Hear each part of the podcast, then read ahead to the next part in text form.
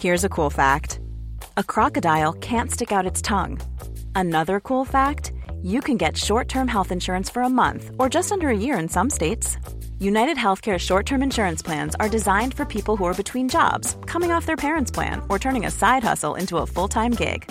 Underwritten by Golden Rule Insurance Company, they offer flexible, budget friendly coverage with access to a nationwide network of doctors and hospitals. Get more cool facts about United Healthcare short term plans at uh1.com.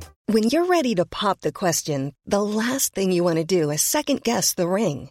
At Bluenile.com, you can design a one of a kind ring with the ease and convenience of shopping online. Choose your diamond and setting. When you find the one, you'll get it delivered right to your door. Go to Bluenile.com and use promo code LISTEN to get $50 off your purchase of $500 or more. That's code LISTEN at Bluenile.com for $50 off your purchase. Bluenile.com code LISTEN. Hiring for your small business? If you're not looking for professionals on LinkedIn, you're looking in the wrong place. That's like looking for your car keys in a fish tank.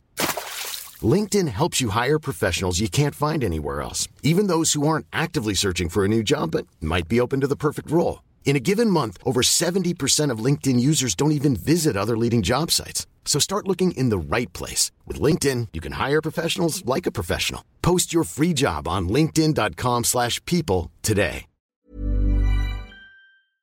Veckans sponsor är Telia. Hos Telia samlar man mobil, bredband, IT-support, mobilväxel, allt som gör företagande enkelt. Och det är just det här att samla allt på ett ställe, att ha någon att vända sig till när det inte fungerar, det är Telia. Ett exempel på vad som inte är Telia, det är ju som när jag lyckas boka förmötet för en poddinspelning med Finansinspektionen till efter själva inspelningstillfället. Eller när jag här, här året var liksom, fick för mig att jag skulle börja springa, så jag är liksom ute och springer taggad, träffar en kompis som säger så du Jan, på måndag ska jag springa ett lopp. Och jag känner så här, ja men det låter inspirerande, så jag käkar pasta, jag byter om, tar mig ner till Malmö stadion för att göra en efteranmälan, står där i kön och sen så när jag liksom anmäler mig så tittar de på mig och säger så här, du Jan, vårhuset är bara till för kvinnor. Och eh, det var, det var typisk en situation som inte är Telia. Oavsett, ett stort tack till Telia som sponsrar, gör Rika Tillsammans möjligt, men framför allt tack till dig som lyssnar, följer och eh, hänger med oss varje vecka. Men jag önskar alla ett ekonomiskt välmående, att inte behöva oroa sig för sina pengar, att sova gott om natten, att veta att man har gjort rätt, att veta att man har koll på de riskerna man behöver ha koll på. Och det är det som fyra hinkar-principen ska hjälpa till med. Varmt välkommen till Rika Tillsammans-podden som handlar om allt som är roligt med privatekonomi och livet. Varje vecka delar vi med oss av vår livsresa, våra erfarenheter, framgångar och misstag så att du ska kunna göra din ekonomi, ditt sparande och ditt liv lite rikare. Vi som driver denna podden heter Caroline och Jan Bolmesson. Idag är det dags för avsnitt 288, fyra hinkar-principen 2023. Ja, ja precis. Alltså jag, det är ju du som förbereder avsnitten och så kommer jag så här och sätter mig och så ska vi ta allt liksom spontant, eller hur? Ja. Och så bara tänkte jag, men nu blir det något, eh, liksom, något sånt här mellanämne. Och så bara ser man fyra hinkar-principen. Så alltså, Jonas, jag hade kunnat ta på mig en annan tröja i alla fall för att hedra eh, detta, Ja, men detta, detta, är, detta moment. Liksom. ja, men detta är ju detta är ju ett av liksom hörnstenarna i, i, vår, i Riket Tillsammans, skulle jag säga. Att det är avsnitt 99 som handlar om så här, hur sparar man? Vad säger forskningen liksom om sparande? Och sen är det den här, hur organiserar man sitt, sitt sparande? Liksom? Hur kan man få en bättre balans? Ja. Eh, och detta är ju, liksom, jag skulle säga att detta är den version 4. Ja. Vi gjorde detta för två år sedan, gjorde vi den senaste uppdateringen och jag tror att det första avsnittet var typ avsnitt 47. Alltså Ja, som är typ fem nog, år sedan, fyra år sedan. Men jag vet ju att det är många eh, av våra lyssnare som älskar sina fyra hinkar. Alltså har det som en sån rejäl grund för hela sin ekonomi. Ja. Jag tror det är ett skönt grepp. Liksom. Ja, man precis. känner så att man har en total översikt. Liksom. Ja men exakt, men jag tänker att det handlar om lite så här knyta ihop säcken eh, liksom på många av de olika resonemangen och framförallt att adressera ett par vanliga problem och eh, risker som typ de flesta har i, i sin ekonomi. Och jag skulle säga så att några vanliga problem är att jag upplever att många har fel risk i sitt sparande. Att antingen så har man för hög risk eller så för låg risk, det vill säga att man har till exempel mycket enskilda aktier eller man har köpt det som varit populärt eller man har krypto eller, eller liknande. Och sen finns det liksom ofta en annan kategori människor som inte har några aktier överhuvudtaget, utan man har allt på sparkontot. Ja. Eh, liksom att ja. man översparar. Och, och, grejen är att, som vi kommer komma in på, det är lika fel både och, utan tricket handlar om att ha en balans i sparandet. Och sen samma sak är min upplevelse att de som sparar, de sparar ofta för mycket. Alltså att man kommer ha mycket mer pengar än man behöver när man dör. Och då kan man ifrågasätta sig, okej, okay, gör jag rätt sak idag med min livsenergi? Borde jag kanske jobba lite mindre eller tjäna lite mindre pengar så jag har mer tid för annat. Mm. Uh, och sen är det ofta att de som inte sparar, de sparar ju uppenbarligen alldeles liksom för lite. Och sen upplever jag också att det är ganska många som oroar sig för sin ekonomi. Att när jag frågar många gånger så här, varför ska man spara? Så är det vanligaste svar så här, nej men jag vill inte oroa mig för min ekonomi, jag vill ha trygghet. Och där kan jag också ibland uppleva att många, många oroar sig många gånger i onödan, ja. vilket är lite, lite synd. Och sen eh, ett av liksom, de sista två problemen upplever att man tittar många gånger isolerat på sin ekonomi. Att man tittar, okej, okay, men den här Avanza-portföljen eller det här Lysa-kontot eller den här Opti-portföljen. Och så tittar man inte liksom på, som en helhet, alltså hur hänger de olika delarna ihop? Och för mig var ju det en ögonöppnare, för jag gjorde ju detta misstaget med till exempel premiepensionen. Och, och då tänker man så här, premiepensionen, ska man ha hög risk i sitt sparande? Tittar man isolerat så kan man bli så här, gud, jag borde kanske inte ta så hög risk, tänk om det går ner. Men om man tittar på pensionen som, pre, som inkomstpensionen, alltså hela den där stora delen som jag inte kan påverka, som är typ 16 procent av, min, eh, liksom, eh, av mitt pensionssparande och PPM är bara 2,5. Ja. Eh, så, mm. så, blir, så blir det så här, men du kan ta jättehög risk i din PPM mm. för det balanseras upp av inkomstpensionen. Ja. Och, och, och då tror jag att hade man bara tittat på isolerat på PPM-biten, så blir det så, så, lätt att ta fel beslut där, för man bortser från den stora liksom ballasten eller det stora ankaret. Och jag tror att det där misstaget gör man många gånger fler gånger. I, sin, I fler i, områden. I fler. Mm. Och sen så är det många som tänker också så här, har jag gjort rätt i min ekonomi? Har jag strukturerat och organiserat rätt? Yeah. Och många gånger så är det också ett symptom på liksom avsaknad av plan. Och då, då känns som fyrahinka-modellen är ett enkelt sätt att liksom adressera detta. Men gud, jag har struktur, jag har en koll, ja, det känns eh, liksom eh, bra. Rätt risk. Ja, och precis, och jag hanterar de här tre riskerna som alla behöver hantera i sin ekonomi. Och det är då oförutsedda händelser, det är inflation, det är volatilitet och det är att pengarna inte räcker till eller att pengarna är för, för mycket. Och vi kommer, ja, vad är nu volatilitet? Eller vi, kommer vi, in på vi, det. vi kommer komma in på det. Och mm. sen handlar det ju om då att balansera det här, att okay, sin riskaptit, hur mycket risk, är, vilken typ av person är jag, vilken möjlighet har jag att bära risk, eh, liksom vad är min riskkapacitet och vad är min tolerans liksom, för risken. Så att dagens avsnitt är inte så mycket liksom så här, hur investerar man, utan snarare hur tar jag alla de här olika delarna i min ekonomi där jag har investerat och tittar på dem utifrån liksom ett, ett annat eh, perspektiv. Så det är roligt hur många distinktioner du har för risk, alltså riskaptit, risktolerans, Ja, vad var det mer? Riskkapacitet. Man bara, vad är skillnaden? Ja, men, ja, men vi, vi, kommer in på det, vi? Vi kommer in mm. på det.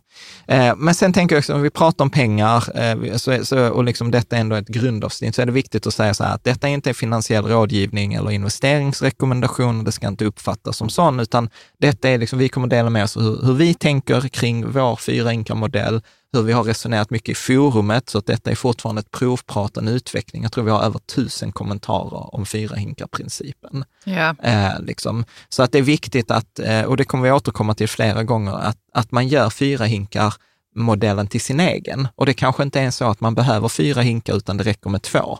Och vi mm, kommer att prata precis. till det, så att det gäller att titta på sin egen situation, på sin egen ekonomi, på sin egen plan och så anpassa den. Så att här får du liksom, detta är lite som modellera eh, eller som legoklossar Och sen får du liksom så här, okej, okay, du kan med de här klossarna kan du bygga det här, det här och det här. Eh, liksom. Ja, Eh, och sen så tänker jag också att mycket, som vanligt så bygger liksom många av våra resonemang på liksom historisk eh, avkastning och historisk avkastning är inte en garanti för framtida avkastning, utan liksom all, alla påståenden om framtid innehåller osäkerhet och att investeringen kan både öka och minska i värde och att man inte bör investera mer än man kan förlora. Liksom. Och I värsta fall kan man förlora liksom allt. Bra, och sen så tänker jag säga sista, vi ska säga här när vi pratar om det juridiska, att avsnittet är inte sponsrat, men vi har eh, vissa sponsrade länkarna, framförallt när vi pratar om så här, men vad lägger du i de olika hinkarna? Vi har själva investerat i Lysa, i de här globala indexfonderna, vi har konto på Avanza, Nordnet, Opti eh, etc. Så att jag hoppas att du ser det som att vi har skin in the game. Eh, liksom. Bra. Vill man veta mer om det juridiska, riketillsammans.se villkor. Mm. Bra. Mm. Då tänker jag att då kör vi vidare. Men du, jag har fått frågan var det här fyra hinkar, eh, namnet eller konceptet Det kommer, kommer. det kommer. Det Ja, kommer. okej. Du, du är bara så snabb idag, Caroline. Det, men jag, jag tänker så här, innan vi hoppar dit, så, så tänker jag, okej, målet tror jag för många av oss eh, är ekonomiskt välmående. Mm. Jag gillar ju det här att det handlar om att må bra, eh, både i sin ekonomi, sin hälsa och liksom i, i livet. Och jag hittade en amerikansk eh, studie, eh, som det, eller från amerikanska konsumentverket, så har de liksom gett ut en broschyr som heter eh, Financial Wellbeing, the goal of financial education. Och nu har jag översatt på feedback från er läsare, så kommer inte engelskt citat, utan här kommer en egen översättning. Mm. Men då, då skrev de att ekonomiskt välmående kan definieras som ett läge i livet där man kan möta de ekonomiska åtaganden man har idag och imorgon. Man kan känna sig trygg och man kan göra de val som tillåter en att njuta av livet. Mm. Vad tänker Det är du? fint skrivet tycker jag. Ja, och, Så det är inte torrt. Alltså det är ju torrt, men det är ändå samtidigt ger det utrymme för att du liksom, det handlar inte bara om att du ska spara. Liksom. Nej, eller att du ska maxa avkastning eller någonting. Mm. Och, och jag gillade också eh, liksom att man delar upp det i att man vill ha trygghet och frihet. Att ekonomi handlar om att skapa sig trygghet eh, idag och i framtiden och det handlar om att skapa sig valfrihet idag och i framtiden. Och då tänker man liksom så här, okej, men trygghet idag i ekonomi handlar mycket om att ha kontroll över sin ekonomi på dags och månadsbasis. Jag har min lön, jag har mina utgifter, mina inkomster är större än mina utgifter, jag kan spara lite, jag kan investera. Och, eh, och att ha valfrihet idag handlar ju om att kunna ha den ekonomiska friheten, att kunna göra val där jag kan njuta av livet. Att ja, men jag kan göra den där resan eller jag kan komma hem någon timme tidigare för att eh, hämta barnen tidigare på dagis. Eller jag kan, eh, vi kan eh, göra, gå på den där konserten eller vi kan ta oss tid för att liksom se soluppgången på, på stranden. Resa tre månader och sånt. Sånt Ja. kul. Liksom. Mm. Ja. Och sen handlar det om också då att eh, ha trygghet i framtiden, vilket mycket handlar om liksom förmågan att hantera en ekonomisk chock. Ja. Liksom att det, ja, men vi hade många av oss fick en chock i januari när decemberräkningen kom för elen. Eller liksom inflation, så att priserna har ökat eller, eh, eller att man har, liksom bilen har gått sönder eller någonting sådant. Så att det är det som ekonomisk trygghet i framtiden handlar om, att kunna absorbera en oförutsedd händelse. Och, att och valfrihet i framtiden handlar om att liksom vara på spår att nå sina ekonomiska mål.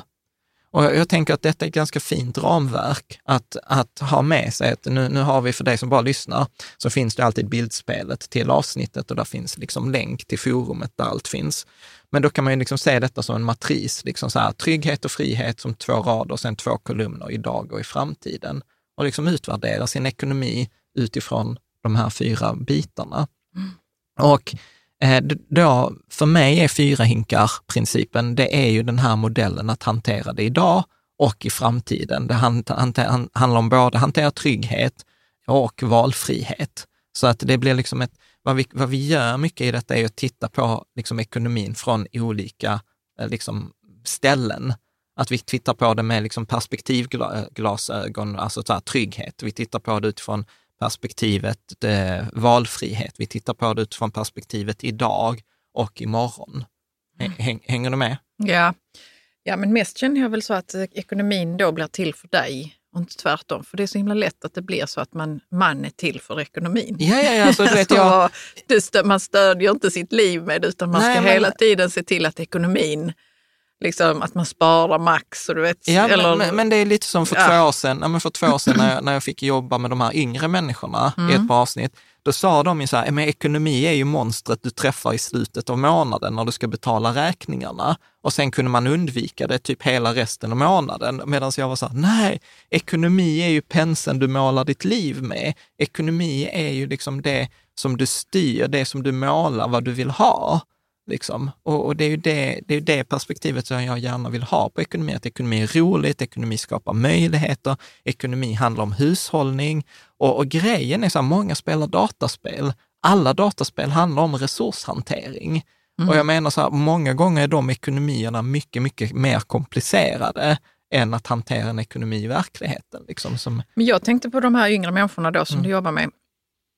I Stockholm var det väl. Och, för där, jag tror också de målar sitt liv med, Ja. med penseln ekonomi. ja, Det är bara det att ekonomin, den, eh, det är inte som att de håller i, i kopplet. kopplet, utan Utan- så ekonomin drar iväg och sen är den ett monster i Ja, men- slutet av månaden istället för att man så har bestämt Ja, så, hur den ska se ut i slutet på månaden. nej men exakt, för den den kommer att säga så här, du har inte råd, Nej. eh, istället för att ställa sig för, hur kan jag få råd? Yeah. Liksom. Hur, hur kan jag göra detta?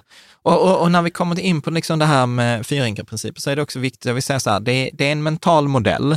Det är ingen naturlag, det är ingen sanning, det är inget som är liksom så här rätt, utan det är ett sätt, det finns flera liksom sätt.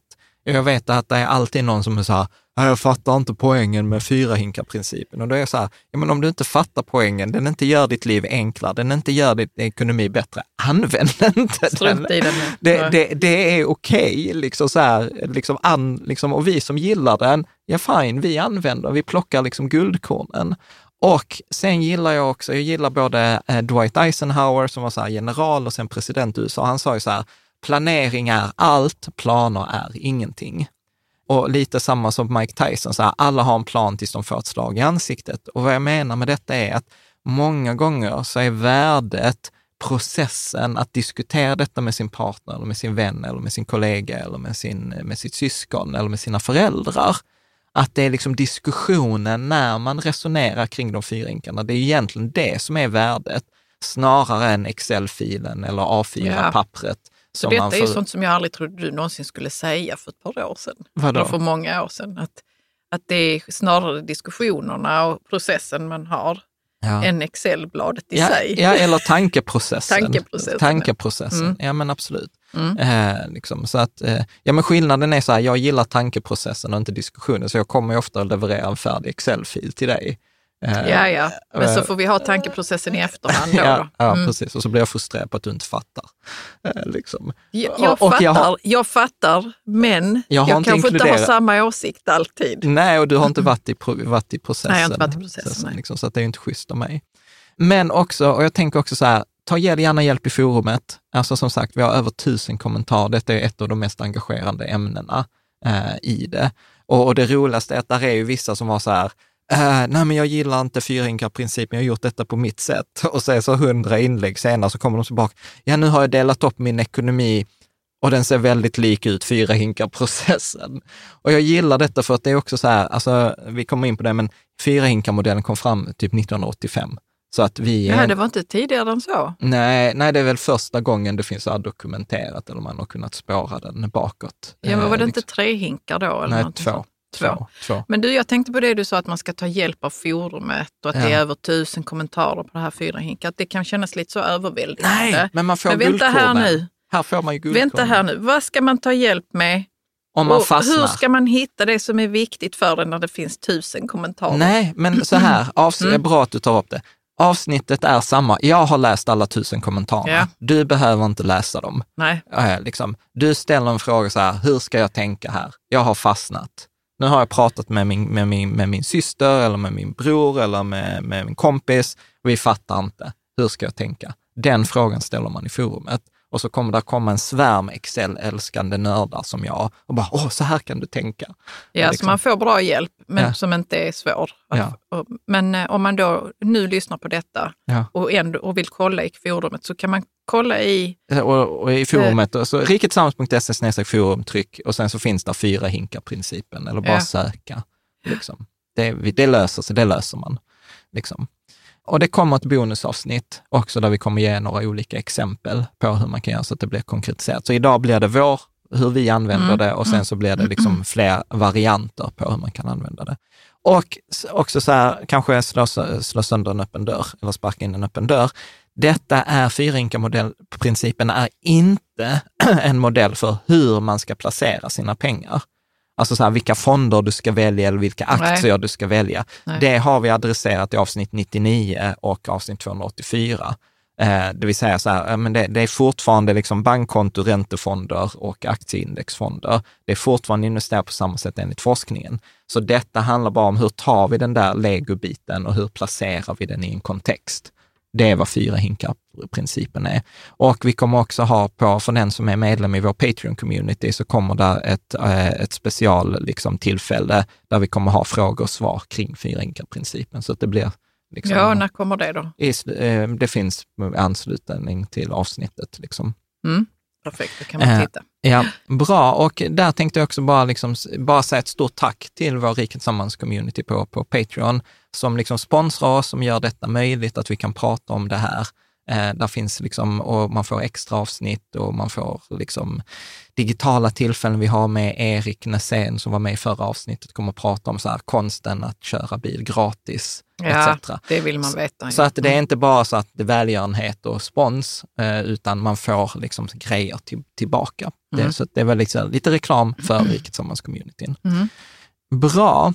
Så att jag tänker att eh, liksom, om vi tar då historien bakom fyrahinkarprincipen så var det Harold Evensky eh, som skrev en artikel, jag tror i någon sån här Financial Journal, om att man, man bör tänka på sin ekonomi i två delar. Eh, liksom det som kallas för tvåhinkarmetoden. Och han var också så här, ursprunget handlar om för pensionärer, för amerikanska pensionärer som inte har samma pensionssystem som i Sverige, där problemet liksom för en pensionär låter så okej, okay, nu går du i pension, nu kommer du inte få några fler inkomster, så du måste leva på liksom ditt sparade kapital. Och då blir det så här, hur fördelar du ditt sparade kapital på ett sådant sätt att det räcker för liksom resten av livet? Så det var liksom bakgrunden eh, till det här. Och sen har detta under åren utvecklats liksom vidare, att mm. man har byggt mm. vidare. Så slår man idag på så här three bucket portfolio eller three bucket strategy så finns det massor av artiklar. Men där var liksom en, du kan läsa här detta, en, en författare som heter Michael Falk. Eh, han skrev i en bok som heter Let's all learn how to fish. Så skrev han så här, först bör du sikta på att göra ditt sparande immunt och sen bör du optimera det. Och här är min översättning och mina liksom så här, tolkning, så detta är inte en ordagrann översättning, utan detta är min variation på vad han, vad han skriver. Ja. Du bör göra ditt sparande immunt innan du försöker optimera det. Med att göra sparandet immunt avses att du har dina kostnader täckta av eh, garanterade inkomster, utbetalningar, uttag och försäkringar. Det vill säga det som man kan kalla för så här, sov gott om natten-paragrafen. Att, ja. att jag tänker så här, okej, okay, men jo, om, om, man är i arbetslivet, ja men då har jag garanterad inkomst. Jag har tre månaders uppsägningstid, då har jag minst tre garanterade löner. Skulle företaget gå i konkurs så, så har vi, kommer staten betala lönerna. Sen har jag kanske a-kassa och sen har jag kanske en inkomstförsäkring. Och sen när jag är, är jag i pensionsåldern, ja men då har jag min allmänna pension, jag har min tjänstepension, jag har mitt eget sparande. Så att liksom, mm. där mm. finns, så att det, återigen så här, det funkar oavsett fas. Och det handlar om att först och främst måste du klara de kostnaderna du har så att du, ja, men du har råd att betala elräkningen så att liksom inte Eon stänger av elen. Så att jag, jag, jag tänker att först behöver man sova gott om natten. Det är mål nummer ett. Ja. Ska du läsa sen? Att göra din portfölj immun medför även att alla ytterligare pengar i teorin kan användas för att investeras på vilket sätt du önskar utan att behöva ta hänsyn till volatilitetsrisken. Ja, och volatilitet kommer vi prata om i resten av avsnittet som risken för att dina pengar som är investerade varierar i värde. Mm. Så om du investerade 100 kronor den 1 januari 2022 i en indexfond för liksom globala börsen, så som vi alltid pratar, investera hela höstacken, då hade du förlorat eh, 8 kronor, så då hade du bara 92 kronor kvar. Hade du investerat i svenska börsen 1 januari 2022 och tittade 31 december 2022, ja då hade du bara 77 kronor kvar, för då hade den minskat 23 kronor. Så den här nedgången kallas för volatilitet. Liksom. Sen kan det också gå att det kan gå upp. Alltså det är också 20, volatilitet. Det är också ja. volatilitet. Mm. Så volatilitet betyder bara att värdet på ditt sparande svänger i värde. Mm. Och då kan man säga så här, okej, okay, men om din portfölj är immun, om du alltid vet att du kommer klara dina löpande utgifter, då kan du i teorin ta alla andra pengar och investera dem oavsett om liksom så här, ja men börsen gick ner förra året, skitbra, det var rea, jag investerar mer. Eller så här, nu har det gått upp jättemycket, och det känns lite osäkert, ska jag investera? Ja, det spelar ingen roll, för jag kan fortfarande sova gott om natten. Ja. Så, så att detta ger dig, om det förra var sov gott om natten-paragrafen, så skulle jag säga att detta är så här, freaka inte ut för att börsen går ner och det hjälper dig att maxa de situationer som ges. Mm. Så att när börsen har fallit, ja men då har du möjlighet att köpa när, mer när det är billigt. Mm. Ja, och sista. Genom att göra din ekonomi immun så är din pensionering eller FIRE. Ja, säker så länge du lever och från, mark och från marknadens, marknadens nycker. Nycker det. Ja, mm. så att vi säger, och då kan du ha det här att njuta av livet, du kan ha det här ekonomiska välbefinnandet. Så att detta är liksom syftet kommer vara här med fyra hinkar-principen är att kunna uppnå detta. Mm. Att vi ska både skydda, vi ska skydda mot de oförutsedda händelserna, att kunna liksom betala mina utgifter, vi ska även kunna investera på ett klokt sätt och det slutgiltiga målet är det ekonomiskt välmående. Liksom. Mm. Och, och, så detta var då Michael, eh, Michael Falk och så han, han tog detta, förbättrade den här från eh, liksom två till tre hinkar och sen den som gjorde det mest populärt skulle jag ju säga Christine Benz, som är sån här eh, chef på Director of Personal Finance på Morningstar. Så hon har ju en jättestor publik. Så hon har ju liksom, det var ju via henne som jag hittade ja, den här. Hon har eh, väldigt fina tänder här på bilden. ja, precis. uh, så, och om vi då tar de fyra riskerna som alla behöver på ett eller annat sätt hantera i sin ekonomi, så handlar det om risken för oförutsedda händelser. Och den här kan man också dela upp i två. Jag vet inte om man, man tänker inte så ofta på det, men det första är som det, det mest naturliga. Många tänker så här, ja men oförutsedd utgift. Alltså där, bilreparation, högre elräkning, högre räntor, renovering ja. eh, eller no någonting. Mina utgifter ökar liksom på grund av inflationen eller liksom där, där händer någonting. Men den andra delen av den här oförutsedda händelserisken är ju en oförutsedd inkomstminskning.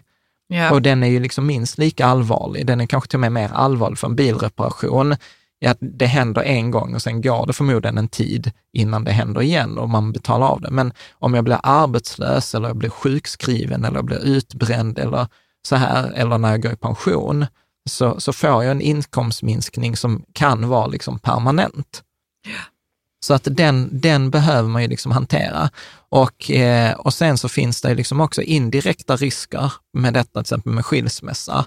Eh, att jag hittade, jag läste någon artikel att skilsmässor är vanligast i 35 till 49 års åldern och efter 12 års giftermål. Är det, ja, är det, det störst risk ja, när man har nått 12 års? Ja, efter 12, 11,9 år, då skiljer man sig i mhm. genomsnitt. Mm. Jag trodde det var så sjuårskrisen.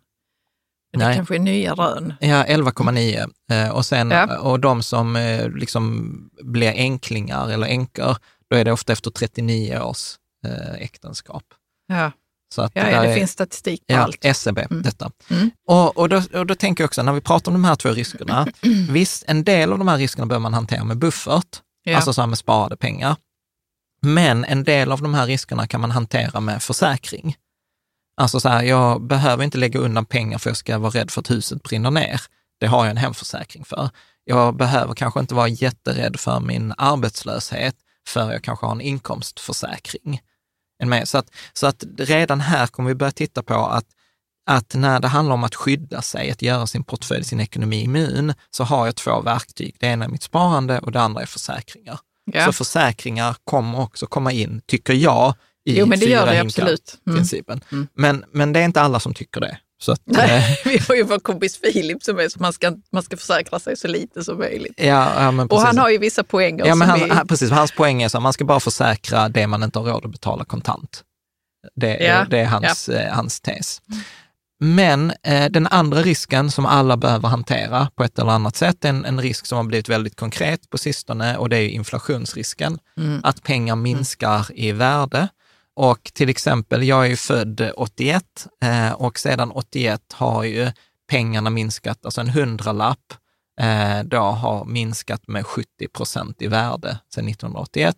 Man kan säga mellan, om man ger ett barn en hundralapp i doppresent, så när barnet tar studenten så är den hundralappen värd 80 kronor.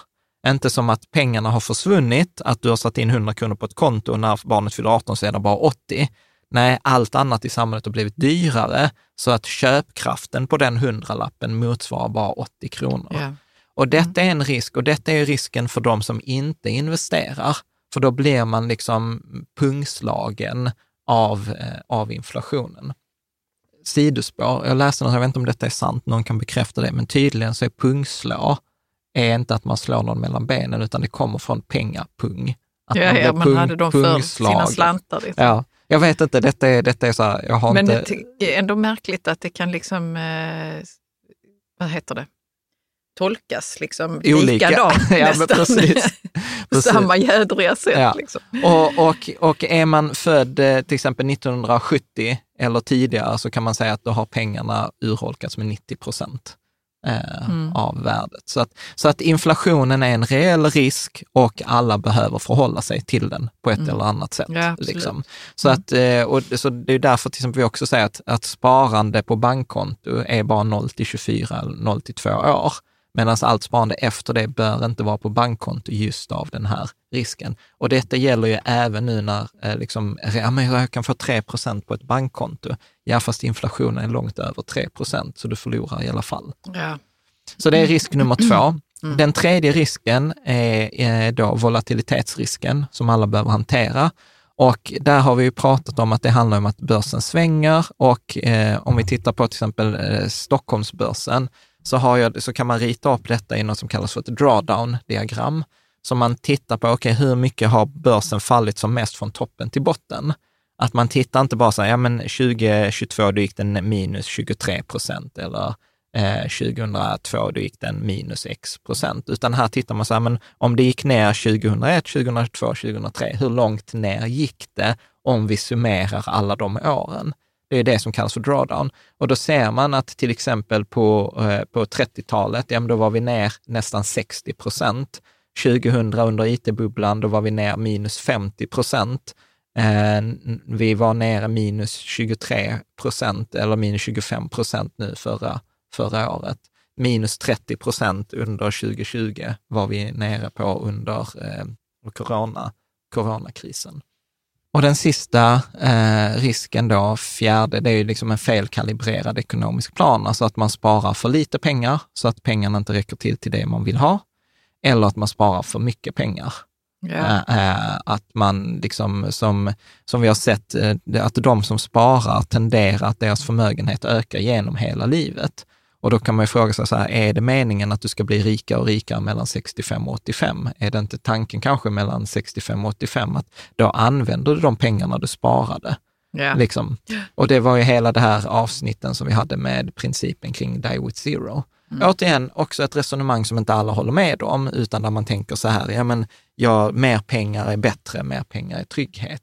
Eller att man misstolkar och tänker så här, men jag vill ge bort pengar till mina barn ja visst, du kan ge bort pengar till dina barn och ju, där har ju också undersökningar visat att de har ju ofta, eh, pengarna har större värde när man är yngre. Så att ge bort ditt arv, ge hellre bort arvet så att de, barnen får det när de är 35 än när de är 65. För då ja, har man inte lika precis. mycket nytta mm. eller glädje av mm. dem. Bra, jag tänker att nu ska vi gå in på de olika modellerna, men vi kan ta en liten kort reklampaus. Ready to pop the question? The jewelers at BlueNile.com have got sparkle down to a science with beautiful lab-grown diamonds worthy of your most brilliant moments. Their lab-grown diamonds are independently graded and guaranteed identical to natural diamonds, and they're ready to ship to your door. Go to BlueNile.com and use promo code LISTEN to get $50 off your purchase of $500 or more. That's code LISTEN at BlueNile.com for $50 off. BlueNile.com code LISTEN. One size fits all seems like a good idea for clothes until you try them on. Same goes for healthcare. That's why United Healthcare offers flexible, budget friendly coverage for medical, vision, dental, and more. Learn more at uh1.com.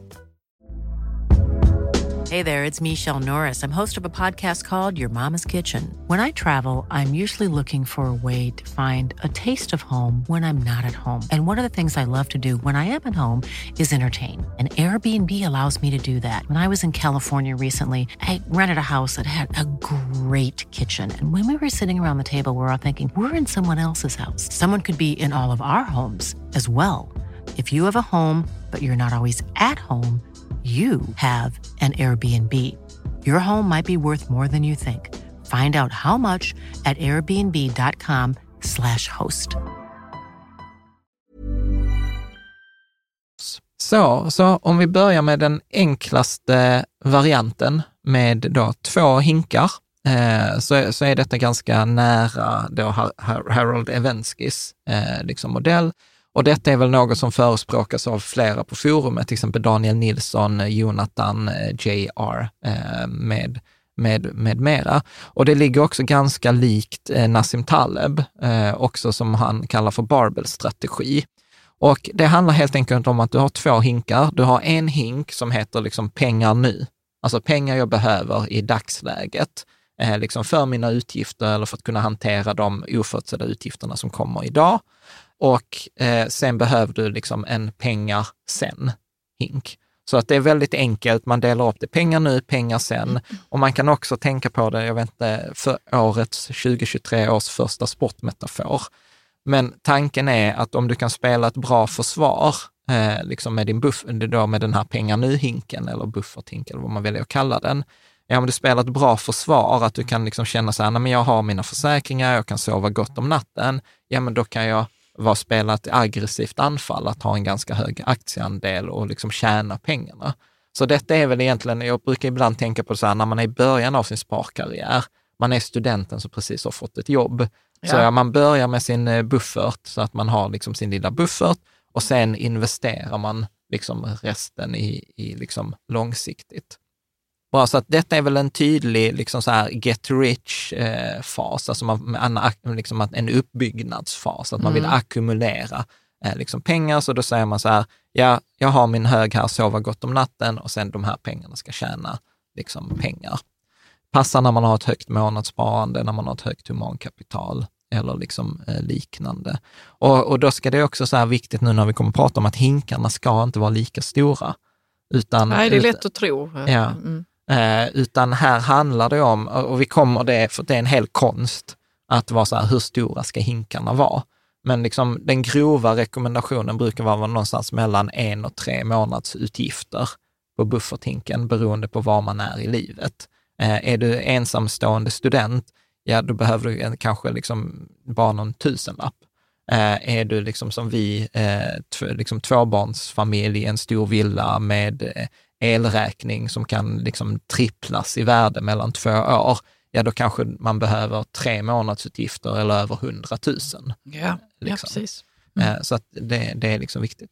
En nästa variant eh, på detta, så detta är den enklaste varianten, då är detta inte ens en fyra hinkar-princip, utan detta är en två hinkar-princip. Pengar nu och pengar sen. Fine. Ja. Nästa variant är då eh, en tre hinkar-variant.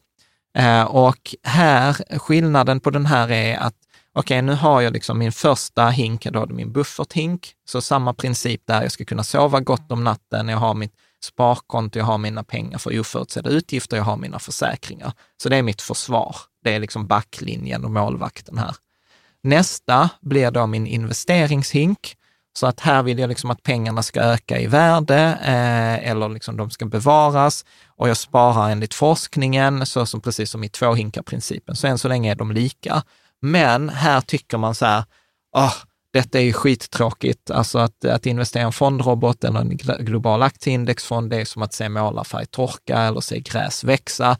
Så jag vill ha liksom en hobby och jag vill kunna läsa på med andra investeringar. Lära mig mer, kanske. Jag vill lära mm. mig mer. Eh, jag vill köpa aktier direkt eller jag vill köpa den här fonden som det har pratat så mycket eller jag vill, som, liksom, som vi gillar, till exempel vin, så vi investerar i vinflaskor. Och jag skulle liksom aldrig kunna rekommendera någon så här, men du vet, behöver du liksom, är du orolig för pensionen, spara i vinflaskor.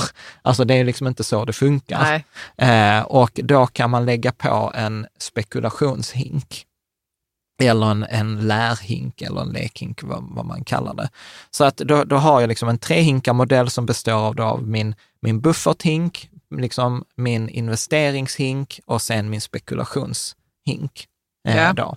Roligt att du har döpt den till spekulationshink. Ja, Men, det är kanske men med vi- mening. vi, kom, vi kommer till det. Jag har, jag, har, vi har, jag har en poäng med det där Och också. här är de också olika stora naturligtvis. Yes. Så, och, och här kan man också hitta på sina egna regler. Men jag skulle säga så här, bufferthinken, samma resonemang som innan, liksom anpassa det till din livssituation, ditt humankapital, eh, liksom där. Och sen resten investeringshinken och sen kan spekulationshinken kanske vara 10 procent av investeringshinken. Så att har du liksom 10 000 i, i bufferthinken, du har 100 000 i investeringshinken, ja då kanske du har 10 000 i spekulationshinken. Liksom. Så att, så att återigen, eh, och JR skrev ju detta, det var han som introducerade detta, han sa det så här, men det, du har din kärnportfölj och sen runt din kärnportfölj så har du dina, ditt buffertkonto och dina satellitinvesteringar. Och jag gillade det också för att det är lätt att när man pratar om eh, de här hinkarna, att man tänker att de ska vara lika stora. Ja, att de Men har så är- samma tyngd. Liksom. Ja, det men har så- de ju inte. Men så är det inte. Men eh, vi pratar om humankapital här i, Ja. ibland. Ja. Och alla vet ju inte vad det är, men det handlar väl om att man, eller du kan ta det för att jag, Ja. jag tycker alltid det är svårt att förklara. Nej, men vi har ett avsnitt på professor Paolo Sodini från Handelshögskolan i Stockholm som introducerade mycket humankapitalkonceptet och vissa tycker så här, helt värdelöst resonemang, medan jag tycker så här, nej, jag tycker det är ganska värdefullt. Så humankapital, den formella definitionen är summan av alla dina framtida livsinkomster. Ja, ja. Så, och, och, men ja, man kan ju översätta det också till så här, hur lätt har du att få ett nytt jobb?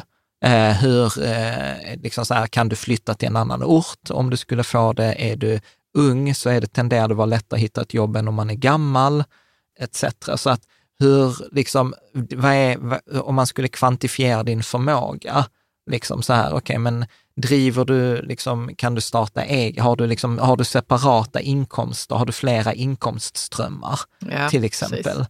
Exempel. Eh, så ja, men du vet, jag har det här extra jobbet och jag har detta och sen har jag ett litet företag vid sidan.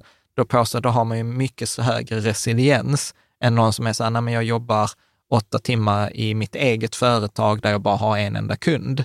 Alltså då Ja, har man ju väldigt mm, låg resiliens. Så är det liksom en skala. Så man, och det är det jag menar, att anpassa det till livssituation. Mm. Eh, bra.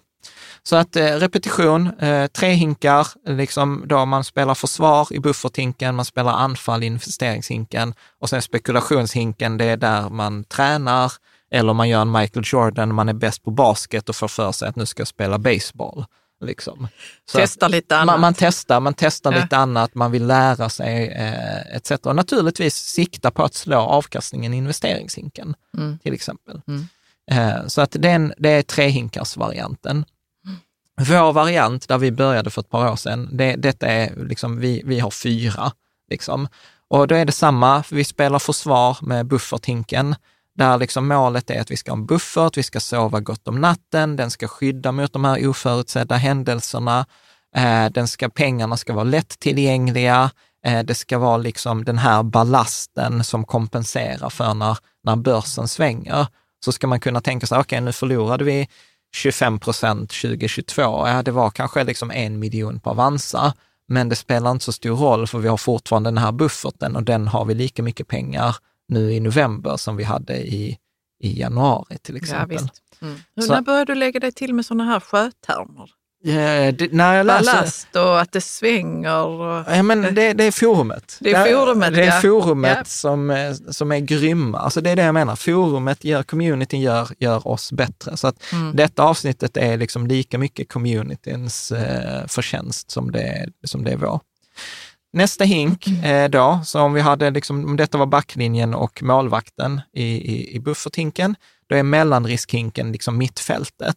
Så här är målet är att bevara värdet eh, mot inflation, alltså det vill säga skydda mot inflation, att pengarna minskar i värdet. För målvakten och bufferthinken, de skyddar inte mot inflation. Har pengarna Nej. på ett bankkonto, då förlorar du mot inflationen. Här säger vi så här, okej, här vill jag hantera inflationsrisken först och främst. Eh, jag vill skydda till viss del mot svängningarna på börsen. Jag vill kunna utnyttja, jag vill ha torrt krut. Jag vill kunna utnyttja om det kommer ett läge på börsen. så är det liksom mittfältets roll. De, de är liksom varken liksom bäst på anfall eller bäst på försvar, utan de är liksom kittet, eh, eller kittet som håller ihop eh, liksom försvaret med anfallet. Mm. Är du med? Ja, jag tror Ja. att jag är med. Mm. Eh, och sen har vi liksom eh, då det som vi, vi har kallat det för den passiva hinken. Då, och det är här vi vill få tillväxt, det är här vi vill få pengarna att växa, det är här vi vill skydda oss mot att pengarna tar slut. Eh, det är här vi har den här 12-12-12-regeln som vi pratade om i något avsnitt sen, att investerar du 1200 kronor i 12 år så kan du därefter plocka ut 1200 kronor i månaden resten av livet. Liksom, det, är här, det är här man investerar, det är här liksom motorn, det är här eh, pengarna växer. Det, man detta kan är nästan anfallet. tro att mellanriskhinken och passiva hinken är typ samma. Nej, Men det- nej, de men skiljer sig. Vad som är innehållet i, antar jag. Ja, precis. Alltså det kommer fortfarande vara samma tre byggstenar, så, vi, vi kommer till det, men Mm. om bufferthinken är sparkonto, så är mellanrisken en mix mellan räntor och aktier. Ja, Och passiva hinken är i princip bara aktier. ja. Och, och aktier, då menar Mm. jag inte enskilda aktier, utan aktier tillgångslaget, det vill säga en fondrobot, global aktieindexfond, köp hela höstacken, leta inte efter nålar. ja, det, vill säga stjärnaktier och så. Ja, Mm. precis. Så att, det, så att det, är liksom, det är det fördelningen, så den kan man säga så här 50-50, eh, Mm. mellanriskhinken. Mm.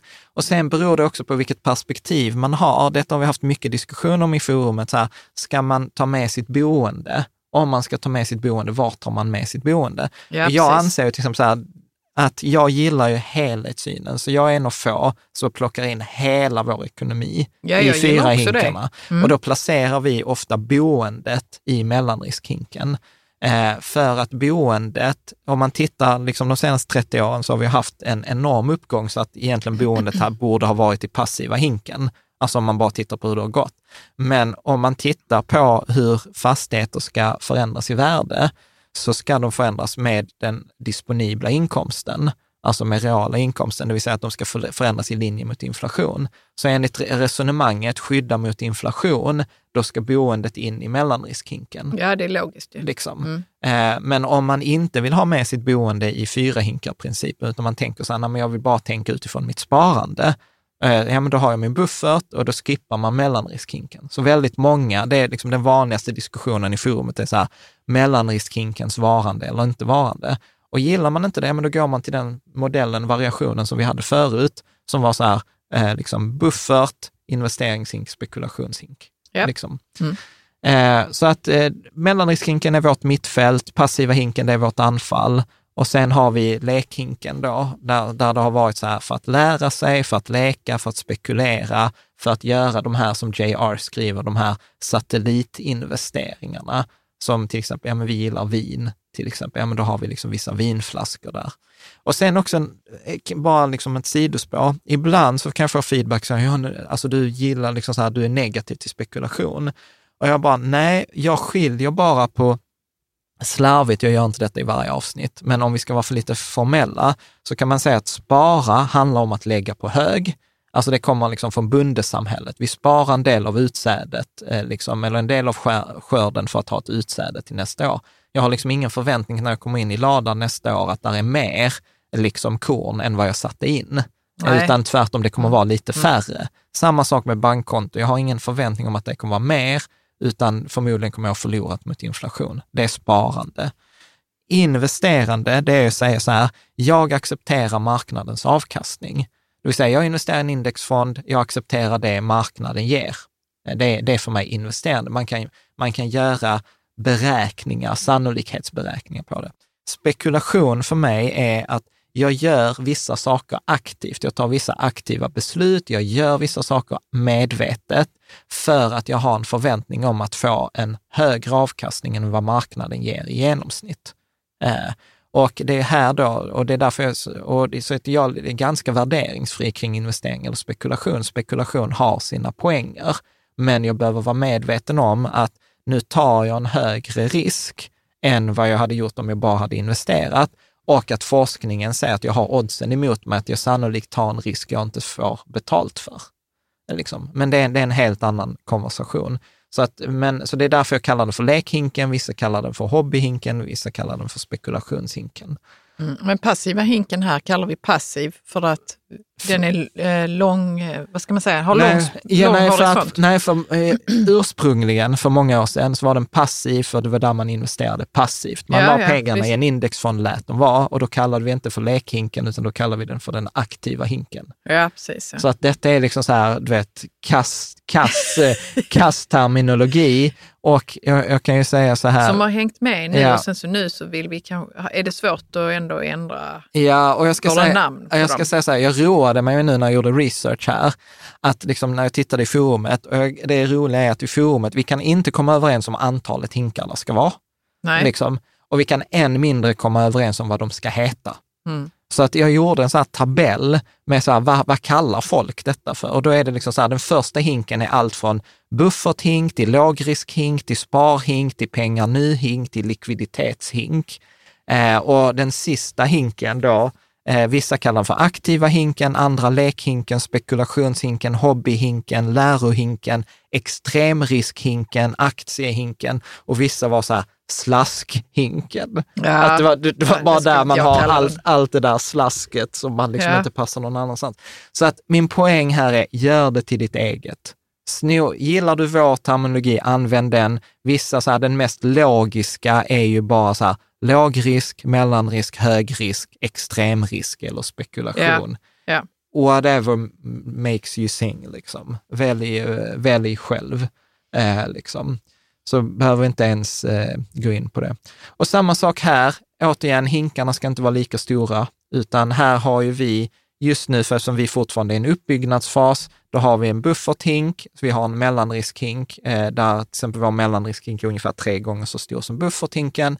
Sen är resten i då den här passiva eller investeringshinken och sen ska lekhinken vara liten, tycker vi, liksom, eller så har vi gjort i Ja, vår det ekonomi. tycker vi. Ja. Men hur, eh, den har ändå fått liksom eh, fått mycket uppmärksamhet Ja, förra ja. året. Ja, ja, ja, men eh, den var ju väldigt volatil, vår lekhink. Den var, Ja. Ett tag var den ju nästan lika stor som vår investeringshink och sen kry- krympte den ihop. Ja, för med, att värdet gick upp på den. Ja, Sen ja. ja precis. Mm. så, så att eh, känslohinken kanske man skulle kallat den också. Lägg nu inte fler namn, jag blir helt yr av de här namnen. Ja. Men jag gillar det du sa, Vadå? låg risk. Låg risk, mellanrisk, Risk. hög risk. Alltså och, det, det, det hade jag tyckt om att ha. Ja, men då döper vi dem så. Det är fine. Mm. Det är fine. Sen också, det som jag gillar med hinkmetaforen, är ju att man kan se flödet mellan hinkarna. För varför kallar man det för hinkar? Jo, för tanken var att när en hink blir full, då svämmar den över och då rinner den till nästa hink. Ja, Så att, eh, liksom, så att man börjar till exempel med månadssparandet, så när man är i en uppbyggnadsfas, en get rich-fas, så har man sitt månadssparande, det vill säga överskottet som blir kvar när mina liksom, in, utgifter är lägre än mina inkomster. Och sen så först börjar jag med bufferthinken så jag kan sova gott om natten. Sen när den svämmar över så rinner det över till mellanriskhinken och sen när mellanriskhinken är färdig så svämmar det över till den passiva hinken. Sen behöver man inte göra det. Har man ingen mellanriskhink, då kan man ta det direkt i högriskhinken. Liksom. Men sen när man är då i en stay rich-fas, alltså man är i pension eller man, är, man har vunnit det ekonomiska spelet, då vill man ju att flödet ska vara annorlunda. Då är ju flödet från den liksom högriskhinken, när den liksom, då fyller man på mellanriskhinken och mellanriskhinken fyller på bufferthinken och bufferthinken använder man för att betala sina utgifter. mm. det Är- känns inte logiskt tycker jag. Jo, alltså, jag vill ju köra samma, jo, jo, samma struktur liksom när jag är pension- pensionär, så vill jag ha detsamma som jag hade innan. Ja, men då gör, du en, då gör du en så kallad min mamma, som Ja. fortfarande sparar när hon är i pension. Ja. Liksom så här, hon, hon, har liksom inte skift, hon har liksom inte skiftat mellan det här, utan hon ackumulerar ju fortfarande. Medan här pratar jag om så att gå från uppbyggnadsfas till en avvecklingsfas. Och det är jättesvårt. men Väldigt jag- många klarar inte Nej. det. För, Nej, för, nej, att, för att man har den här vanan, jag måste ju spara. Jo, men det är väl rädslodrivet antar jag. Ja. Att man är rädd att det bara helt plötsligt ska det, liksom, man hade ingen kontroll på det för det, man var inte van vid hur det skulle gå till och så bara tog det slut. Ja, och Hux för, flux, ja, liksom. ja, och för att man lägger kanske sin trygghet i pengarna och sen Mm. minskar mängden pengar, då minskar tryggheten. Och det är fan inte ett rikt liv. Nej, men Att- då att kanske minska- man är eh, 82 liksom. Ja, Det, det kan vara så. ja absolut. Att, att man kanske inte ens behöver så två miljoner till i sitt liv. Eller, Nej, och man kommer inte kunna spendera liksom. de pengarna. Det är där vi har inne på hela Die with Zero-avsnittet.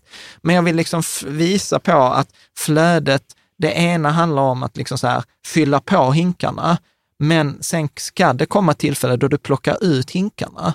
ja, och då, och då, tömmer dem och då, Mm. och då, då är flödet från högrisk till mellanrisk och från mellanrisk till buffert och från buffert till utgift. Det var egentligen det som var ursprungsmodellen med de här pensionärerna, att du fyllde upp hinkarna under ditt arbetsliv och sen skulle du ha då tror jag ett års utgifter i, i lågriskhinken, alltså cash, eh, då, då kallar de det för cash bucket. Och sen hade du tre års utgifter i din fixed income bucket, alltså som var då räntor. Och sen hade du då sju års, minst sju års utgifter eh, i, din, eh, i din equity bucket. Och då var det liksom så här, för då plockade du det ut från din aktiehink till din räntehink och från din räntehink till din bankkontohink och din bankkontohink finansierade dina utgifter. Ja, precis. Mm. Mm. Är du med? Ja, Eh, så, att, så att här blir det lite matte och det kommer, det kommer vi till sen i ett bonusexempel. enkel matte ändå. Ja, men principen. Det viktiga här är, är liksom se, se liksom, va- varför kallar vi det för hinkar? Alltså Ja. varför inte lådor eller whatever. Men du pratar om att man kan ha med sitt hus eller inte. Liksom. Men när Ja. man då är i den här stay rich eller liksom Ja. uttagsfasen, Fasen. Ja. då, är, är, är, då är ju pensionen med. Ja, ja, ja. Eh, ja, precis. Och det är också en sån här vissa...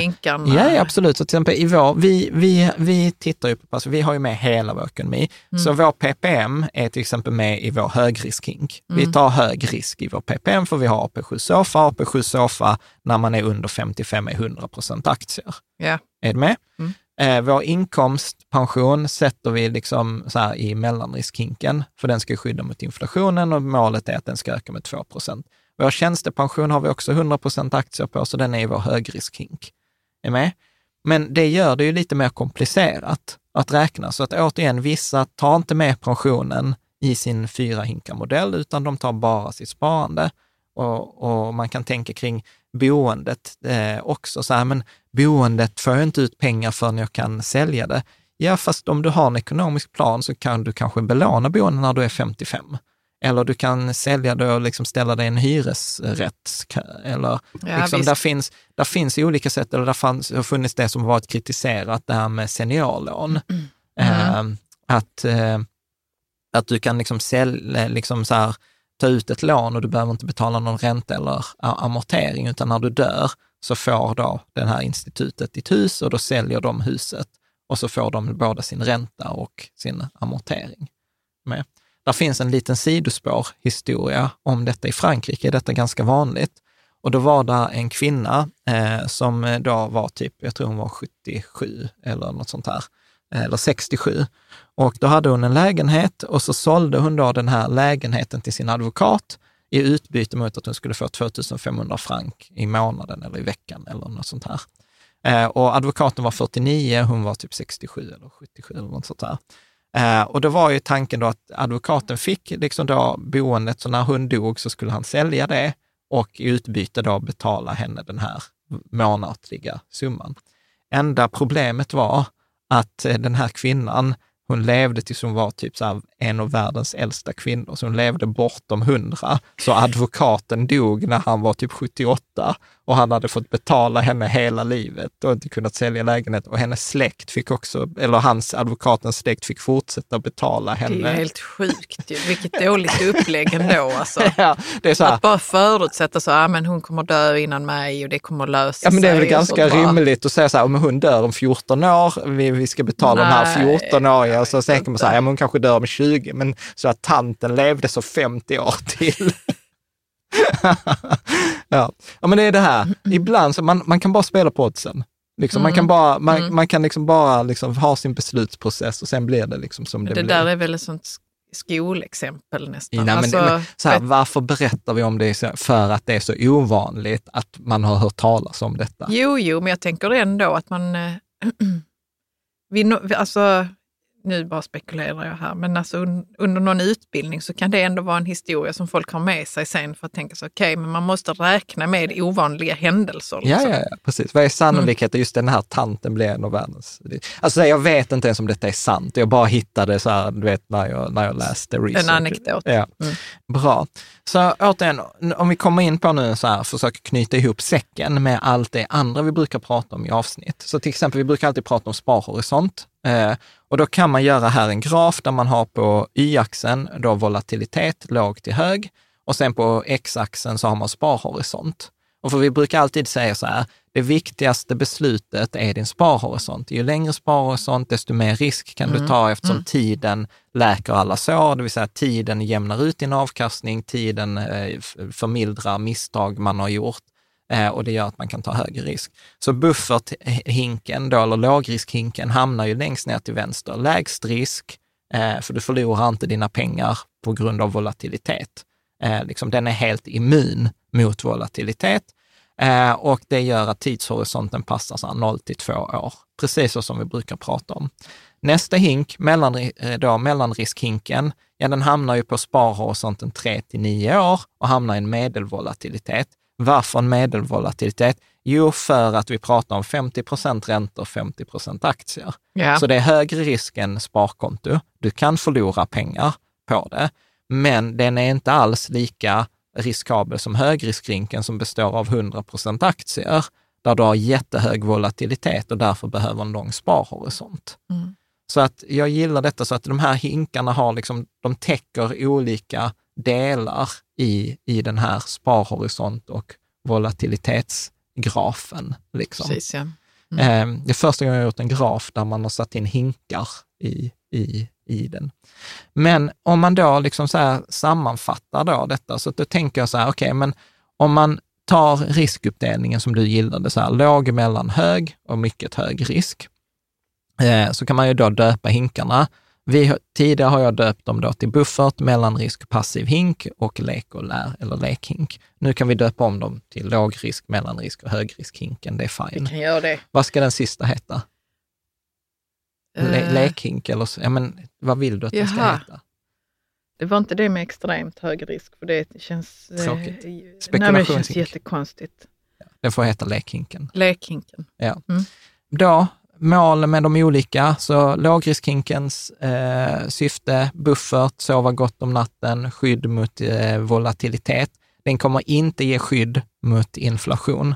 Så det är viktigt, så här accepterar jag inflationsrisken på bekostnad Eh, eller jag vet inte på bekostnad, men jag accepterar inflationsrisken mot att jag är immun mot volatilitetsrisken. Ja. Och, jag är, och, denna, och denna hanterar också de här oförutsedd händelserisken, eh, men på då bekostnad av inflationsrisken. Så här får vi maximal exponering mot inflation, men ja. det väljer vi okej. Okay.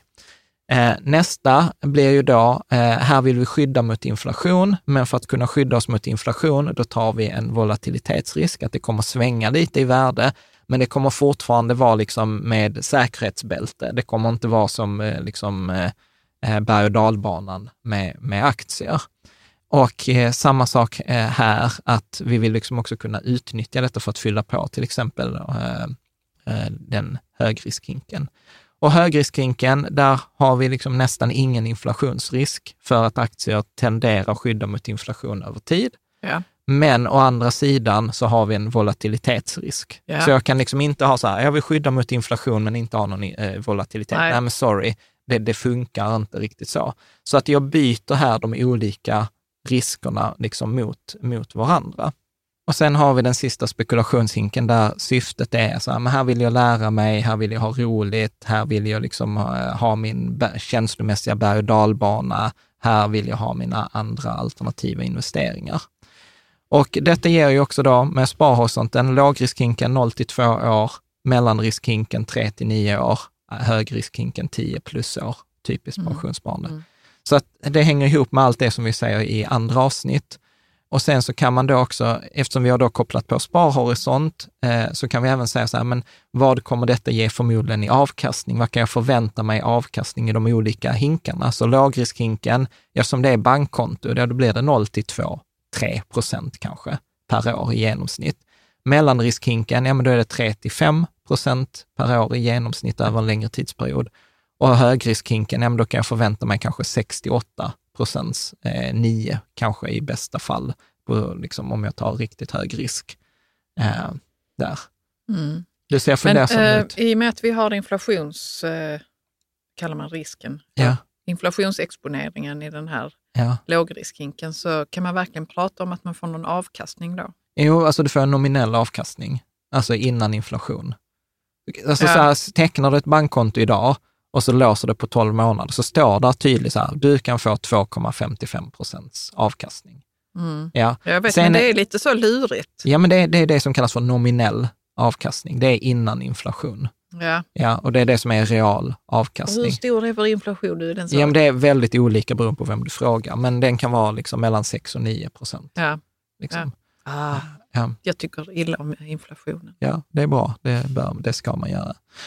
Och sen då viktigt eh, eh, liksom att säga så här att placeringarna i, i de här olika hinkarna, då har vi varit inne på det tre gånger tidigare, det är ju samma sak som vi har pratat om innan. Så lågriskhinken, bankkonto. Mellanriskhinken, en mix, till exempel 50 procent räntor, 50 procent aktier.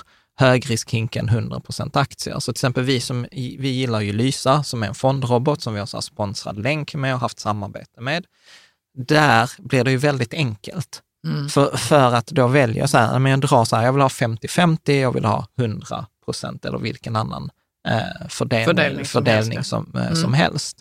Vill man ha då en lösning på till exempel Avanza eller Nordnet eller i sin, liksom, man, vill, man kan inte välja en fondrobot för till exempel i sin tjänstepension Nej. eller liknande. Ja, men då är det samma sak där. Buff, lågriskhinken, bankkonto och sen väljer man då till exempel en, en, en rent, exempel AMF räntefond mix eller vår liksom ränteportfölj. Och sen väljer man till exempel 50 procent en global indexfond med låga avgifter, till exempel Länsförsäkringar Global eller Avanza Global eller liknande. Ja. Och samma sak hög, högriskhinken. Då väljer man då 100 procent i den här globala aktieindexfonden. Eh, fonden. och här behöver man inte heller vara så här, men jag har samma fond i mellanriskhinken som i högriskhinken, eller jag har samma fond i alla mina eh, pensioner. Så länge det är en bred global aktieindexfond så är det inte så farligt, för att den i sin tur diversifierar till 1500 eh, liksom minst 1500 olika bolag. Har du en fondrobot så är det mellan 6 och 10 000 Ja. olika, olika bolag. Helt enkelt.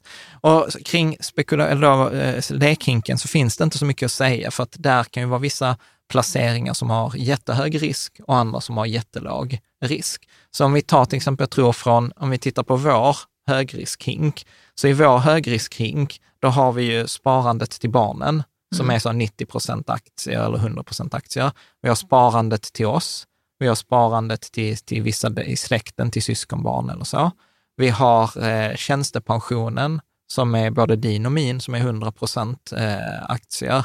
Vi har eh, basportföljen, liksom som vi pratade om här om veckan. Vi har eh, PPM, där vi har AP7, där vi, eftersom vi båda är yngre än 55 så är det också 100 procent aktier. Vi har företagets eh, högrisksparande. Så den här, det som jag gillar med den här hink, hinkprincipen är ju att det är ju många olika portföljer. Så att varje hink kan innehålla en eller flera portföljer eller investeringar eller konton. Eh, för det faller man också ibland i fällan man tror så här, men en hink, ett ISK. Nej, nej. Hinken här, det är som en låda där du kan lägga ner flera ISK-konton eller Ja, flera precis, ja. portföljer. Ja. Liksom. Och, och tittar, vi, eh, tittar vi på vår, vår spekulations eller vår lek och lärhink, ja men där har vi till exempel dina Tesla-aktier, vi har våra vinflaskor, vi har vårt välgörenhetssparande hos Trine, till exempel när man köper solpaneler, vi har då Frejas egna aktieportfölj, vi har vissa onoterade bolag, vi har vissa saminvesteringar etc. Så även liksom lek och lärhinken är ju inte en investering, utan Nej, här samlar man dem för att kunna liksom så här, se, okej, men hur är min riskfördelning mellan mitt, min liksom lågriskhink, min mellanriskhink? Hur är, hur är storleken mellan min lekhink och min högriskhink? Är den, är den relevant? Ja, Liksom? precis. Ja, det är roligt att du skriver våra vinflaskor där. Vi har ju champagne mest väl? Mest. Eh, Och det ska tydligen gå bra i dåliga tider och i bra tider. Ja. Alltså jag fattar inte det. ja. Så tänker jag så här, hmm, det kanske inte är så stor risk ändå att ha dem. Jo, ja, men, alltså, jag där, kan där, bli lurad av. Ja, men där är ju andra risker som vi inte har tagit upp. Eh, alltså så här, det, det finns ju till exempel likviditetsrisk. Alltså, och likviditetsrisk är så här, kan jag sälja min investering när jag vill sälja den? Ja, Så en fondrobot, eh, till exempel en akt, global aktieindexfond, ja men det är så här, jag, går in, jag, jag liksom köper på fredagen, sen händer något på måndagen, så går jag in på måndag, säljer och på onsdag har jag mina pengar. Mm. Ja, nu köpte du och jag här i, i, igår, så köpte vi 12 champagneflaskor. Liksom. Och, och, och då är frågan så här, ja men okej, nu vill jag sälja dem. Ja, det kan ta ett halvår. Liksom. Ja. Och, eller så här, det kan till och med vara så att ingen vill köpa dem. Ja, då sitter vi där med 12 eh, flaskor champagne. Mm. Vilket inte är jättefarligt, för då kan man dricka upp det förr eller senare. Men, men eh, liksom förstår du, där, där är, när, när vi pratar om de här fyra riskerna med liksom volatilitet, inflation, oförutsedd händelse, där finns fler risker. Alltså likviditetsrisk, risken att bli lurad, alltså legal Ja, risk eh, etc. Ja. Liksom. Mm. Ja, men, men, men eftersom vi pratar om så här breda, globala, så, så är den risken högst, eh, högst margi, marginell. Mm. Ja, bra. Är det förståeligt? ja, det tycker jag. Ja. Mm. Bra. Och, och sen så tänker jag så här, nu kanske den som är lite kritisk inte har suttit och lyssnat i en timme, men ibland så är jag så här, Jan, jag fattar inte poängen med eh, fyrahinkarprincipen, det är ändå bara mental bokföring. Och jag är så här, det är mental bokföring. Men vad är mental bokföring? att det är ingen skillnad eh, på att, eh, om, vi, om vi tar de här tre exemplen med lågrisk, mellanrisk, högrisk, eh, så säger vi att vi, vi lägger 100 kronor i varje. Okej? Så vi har 100 kronor på sparkonto och så kallar vi det för ränta, för det är egentligen en ränta jag får för sparkontot. Vi lägger 100 kronor i mellanriskhinken, där vi lägger 50 kronor i räntor och 50 kronor i aktier. Och sen har vi högriskhinken, där vi lägger 100 kronor i aktier och 0 kronor i räntor.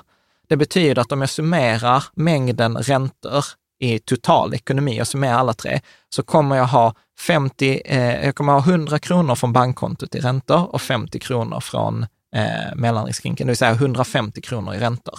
Okay? Summerar jag aktierna så får jag 50 kronor aktier i mellanriskrinken och 100 kronor i, i den eh, högriskrinken. högriskhinken. Då vill säga jag har också 150 kronor i aktier. Ja. En med. Så om vi tittar, så mitt totala ekonomi är 300 kronor, som är fördelad på 150 kronor räntor och 150 kronor aktier. Det vill säga, detta är en 50-50-portfölj. Ja, ja absolut. Är med? Och då säger vissa så här, vad är skillnaden på att ha tre hinkar och ha en 50-50-portfölj? Och då säger jag så här, ingen. Matematiskt är det ingen skillnad, men jag påstår att det är enklare för mig i mitt liv att tänka så här, gud, ja men högriskhinken har nu fallit med 50 procent, men det gör ingenting för jag har mina 100 kronor kvar på mitt bankkonto i, i lågriskhinken. Och på mellanriskhinken, ja men där har jag bara förlorat 25 kronor av de där 50 kronorna. Så jag har ju dessutom liksom pengar kvar i min mellanriskhink. Liksom. Så nu kan jag till och med, istället för att vara så här, shit, min 50-50-portfölj har gått back, så kan jag känna så här, wow, du vet, nu är det läge, nu kanske jag borde skjuta till lite pengar till högriskhinken. Jo, jag fattar, men det förutsätter ju det här resonemanget att du har lika mycket liksom, Nej, eller? nej men... nej, Caroline. Ja, jag fattar, du har Nej, men helt för rätt. att, men hinkarna är ju olika stora. ju. Ja, så att om, jag, om det är så här, om jag har tre månaders utgifter i, bank, i, i, i, i lågriskhinken, så kan jag vara så här, nej men det spelar ingen roll, börsen har gått ner med 50 procent, vår vardag funkar i alla fall. Vår mellanriskhink har liksom hållit värdet, så att ja, den har kanske också backat 3 procent när index har backat 8 procent. Ja, men nu är det kanske läge att flytta pengar från mellanriskhinken till högriskhinken för att liksom när börsen har varit nere så är det ändå så att över tid går börsen upp, så nu har jag kanske bättre odds på att göra det. Mm. Du ser fortfarande skeptisk Ja, men det var ut. roligt att du blev så. Tyckte att jag hade missförstått någonting. Ja, men för att jag tog ett exempel på Du så att det är mental, exempel, ja. mental bokföring och sen flyttar du dig sida liksom till, till något helt annat. Jo, men för att, ja, strunt samma. Nej, men säg. säg Det kan vara så att jag flyttade i sidan, jag vet inte. Alltså matte, matematik liksom per se var inte mitt starkaste ämne. Men då tänker jag så, ah, men de är, vi har hinkar i olika stora, så egentligen kan man inte prata om mental bokföring. Men det kanske är, Jo. om jag skulle slå ut det så kanske det skulle bli en 50-50 portfölj.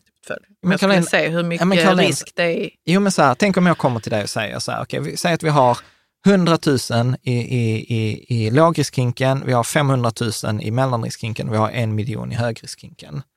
Okej? Ja. Alltså, så så Ja, säger ja, vi så här, ja. Och så kommer jag och säger så här, du Caroline, börsen har kraschat med 50 procent, vi ligger x antal hundratusen back. Mm. Så kommer det kännas jobbigt. För de flesta människor känns det jobbigt, även för, för dig. Okej? Om jag istället kommer och säger så här, du Caroline, vi har 100 000 på vårt buffertkonto, så att det är helt safe. Liksom. Vi har, eh, vi har eh, 400 000 i vår mellanriskhink. Vår högriskhink har backat för att börsen har gått back. Vad säger du om att vi kanske borde liksom ta lite mer risk nu, flytta pengar från mellanriskhinken till högriskhinken för att utnyttja detta läget på börsen? Är så roligt. Jag, hade blivit, jag hade nog ändå tyckt så. Vänta här nu, vad är det du säger egentligen? Okej, då vet vi nu, nu säger du saker annorlunda, det är så helt optimistiskt. Medan om du bara hade sagt så, här, börsen har, börsen har kraschat, då är det ju otroligt negativ klang på det. Ja. Men jag känner ändå så, vad är det du vill göra här? Okej, så det är skönt. 70 minuter in i avsnittet kommer Caroline fram till, ah, jag tycker fyra hinkar-modellen suger. Den är bra, men det är inte säkert att jag vill hälla så som du vill. Nej, och man behöver inte heller, återigen, kom ihåg Michael Falk. Syftet är att göra din privatekonomi, din vardag immun från volatilitet. Ja. Ja. Ja. ja. Mm. Så, och min poäng här var inte att förändra någonting i det resonemanget. Min poäng här var att visa att det är ingen skillnad på att ha fy, tre olika hinkar, för man kan ändå slå ihop det och tänka på det som en hink. Att Mm. matematiskt är det ingen skillnad, det är mental bokföring. Ja. Det var det som var Det poängen. var det som var poängen. Ja. Ja, och sen, ja. Bra. Vi går vidare då. Ja. Mm. Jag tänker, vi kommer inte gå in på detta, utan detta får kanske bli bonusavsnittet, men variationer på detta är ju liksom så här, hur, vad gör folk med detta? Vissa tar bara med sitt sparande. Eh, vissa tar med hela balansräkningen, till exempelvis då boende, pension, skulder etc. Andra tar med försäkringar, det gör inte några andra. Man tar med, liksom, viss, vissa tar med sina transaktionskonton, eh, det vill säga sina vanliga bankkonton etc. Man gör precis som man vill. Eh, sen så brukar jag ändå säga så här, det skiljer sig, modellen skiljer sig på, beroende på om jag är i uppbyggnadsfasen, alltså get rich eller stay rich eh, fasen. Som vi pratar till exempel så här, flödet mellan hinkarna skiljer sig åt. Eh, och vi, vi, kommer, vi, vi ska ta ett exempel på det här get rich, stay rich, för, liksom för att jag ska illustrera det. Sen är det vissa som skiljer på fritt och bundet kapital. Att man, att man tar, nej men detta är kapital jag kan få ut. Eh, Ja. Alltså jag tar inte med pension, jag tar inte med huset för att det är bundet kapital. Vissa räknar så här, men detta är fritt, eh, etc. Och man kan också så här skilja, det finns ingen naturlig, så här först, jag brukar rekommendera, först kan man fylla på bufferthinken och sen kan man fylla på de andra. Vissa tycker så här, först bufferthinken, sen mellanriskhinken, sen högriskhinken. Vissa tycker så här, först, först buffert, sen högriskhink. Så att man gör, liksom, man behöver anpassa det till sin egen eh, situation. Och sen vissa gör detta, liksom, man kan göra detta både privata pengar eller företagets pengar. Eh, och vissa gör till och med en kombination. Att man vill se, eh, liksom, att till exempel som jag gjorde misstaget vid ett tillfälle, att vi hade buffert i företaget, flera löner, och sen hade vi buffert privat också. Vilket kan ju kännas något onödigt. Eh, liksom. Med en god tanke En, förmodligen. en god, god, eh, god tanke. Mm. Eh, och den sista liksom då frågan som vi liksom inte har adresserat, som folk ofta vill säga, men hur stora ska hinkarna vara? Och, och jag säger så här, det beror på. Och om vi tar de grö, grövsta exemplen, alltså om vi tar get rich versus stay rich, alltså uppbyggnads versus ackumulationsfas, så kan man väl säga att lågriskhinken, den här bufferthinken, bör vara liksom en till tre månaders utgifter. Eller ett annat sätt som någon skrev i forumet, 12 månaders utgifter minus garanterade inkomster. Som jag har till exempel 12 månaders utgifter, men sen vet jag att jag får in tre löner för att jag har tre månaders uppsägningstid och sen har jag eh, inkomstförsäkring. Ja, men då drar man ifrån det. Ofta landar man på en till tre månader. Det är därför en till tre månader kommer. Eller till exempel eh, så är det vissa som säger så här 50 000 eller 100 000 eller liksom, procent eh, på husets värde. Alltså man, man, gör, man behöver anpassa det. Sen så brukar man mellanriskhinken, om man väljer att ha den så är det allt från en till sju gånger bufferthinken och det kommer ifrån där hur länge skulle mellanriskhinken fungera. Räknar man med boendet så behöver de flesta inte ha någonting i sin mellanriskhink i Nej. princip, för att mm. boendet blir så mm. stor del. Mm. och sen är man ung så behöver man kanske inte heller någon mellanriskhink för att man har så mycket tid på sig. Men ju äldre man blir, desto viktigare blir mellanriskhinken. Och sen kan man då säga att högriskhinken, det är resten av ens kapital och då spekulationshinken kan man då, eller, eller lekhinken kan man sätta 10 procent av högriskhinken. Så att här, här vill man egentligen ha, liksom, man vill ha sova gott om natten och sen vill man ha så mycket på hög risk som möjligt. Om man däremot har vunnit det ekonomiska spelet, att man är i Stay Rich eller man är i FIRE eller man är i pension, ja. mm så finns det liksom andra varianter på det. Då kan man till exempel i pension, så kan man tänka återigen, då vet man ju sina garanterade inkomster de kommande 30 åren. Så då kan man ju räkna på det. Vill man räkna FIRE, så det FIRE-målet som jag tror jag siktar på, som jag skulle vilja ha, ja men då är det ju typ fem års utgifter eh, på, eh, vad heter det, på buffertkontot. Eh, och, eh, och sen skulle jag säga eh, att på mellanriskhinken skulle vara typ 25 årsutgifter. För att om man då har 25 årsutgifter, det är den här 4 regeln för det betyder att 4 procent på kapitalet kommer generera en årsutgift om, om året. Ja. Och då, då mm. vet man, då har man en hållbar sån här Så grej. då behöver du fem årsutgifter på buffertkontot, sa du? Ja. Då det har man ju jättemycket ändå. Ja, men detta är, så här, detta är jättemycket. Och mm. detta är liksom så här, gör man detta så kommer man förmodligen med stor sannolikhet kunna leva resten av livet. Men detta behöver man ju också variera, för till exempel detta hade ju varit alldeles för mycket för att när jag är 42, om 23 år så går jag i pension och då kommer jag ha en garanterad inkomst. Så då behöver jag inte alls ha så här mycket, Nej, utan precis. jag skulle egentligen bara behöva för att brygga från idag till pension och då blir summorna annorlunda. Men det är en ganska enkel sån här mental regel, 5 plus 25. Då är mm. man liksom mm. home safe. Och har man det där, ja men då behöver man ju ingen högriskhink och då behöver man ingen lek och lärhink. Så att, så att, och det är detta som jag menar, så nu har jag tagit två extremer här liksom get rich, liksom lite i buffert, så mycket som möjligt i högriskhinken. Medan i stay rich, då är det liksom så här, mer i, i bufferthinken så att du inte behöver gå tillbaka och jobba. Eh, liksom. så du, eh, och, och sen majoriteten av pengarna i mellanriskhinken. Eh, mm. Är, du med? Mm. Så att mm. där, där blir liksom, och det är det som jag menar att, som är lite coolt med fyrahinkarprincipen, att jag kan anpassa den oavsett vilken situation jag är i i livet. Att det är liksom ett, det som ett dragspel. Men det är ju det som också gör den stark och, och liksom cool, men det är också det som gör det lite komplicerat. För det är inte, som, det är inte så enkelt som att säga så här, men investera i en fondrobot om du vill ha det bästa sparandet enligt forskningen. Nej. För här, här mm. kräver det lite, lite mer arbete. Och återigen, man behöver inte ha fyra hinkar, det funkar bra med två eller med tre. Och jag vet att det var någon som var så här, jag har sex hinkar. Och så var det liksom... Wow, det är jättekul.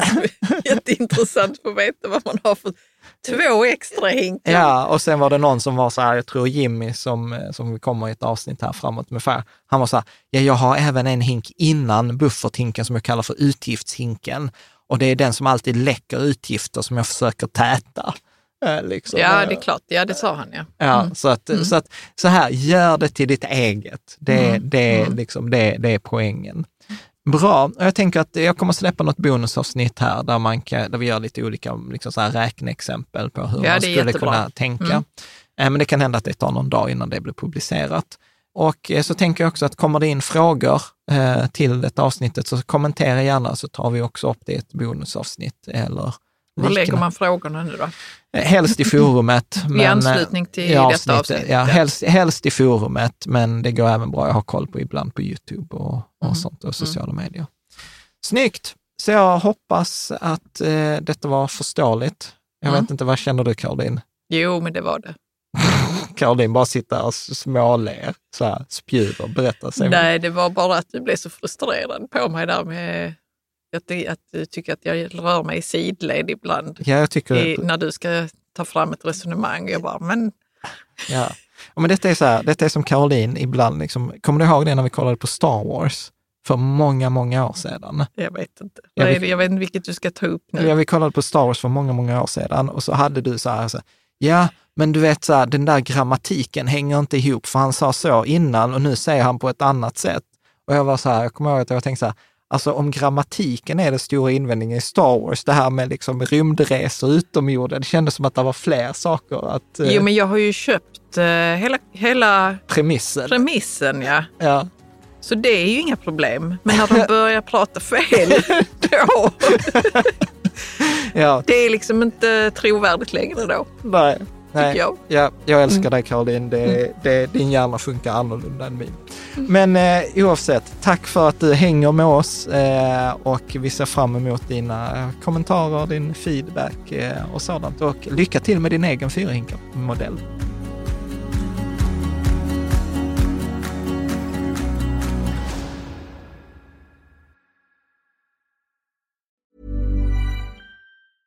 Selling a little or a lot?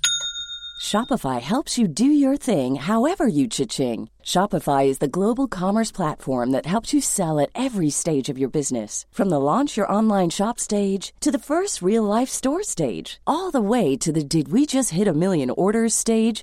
Shopify is there to help you grow. Shopify helps you turn browsers into buyers with the internet's best converting checkout. 36% better on average compared to other leading commerce platforms because businesses that grow grow with Shopify. Get a $1 per month trial period at Shopify.com slash work. shopify.com/work.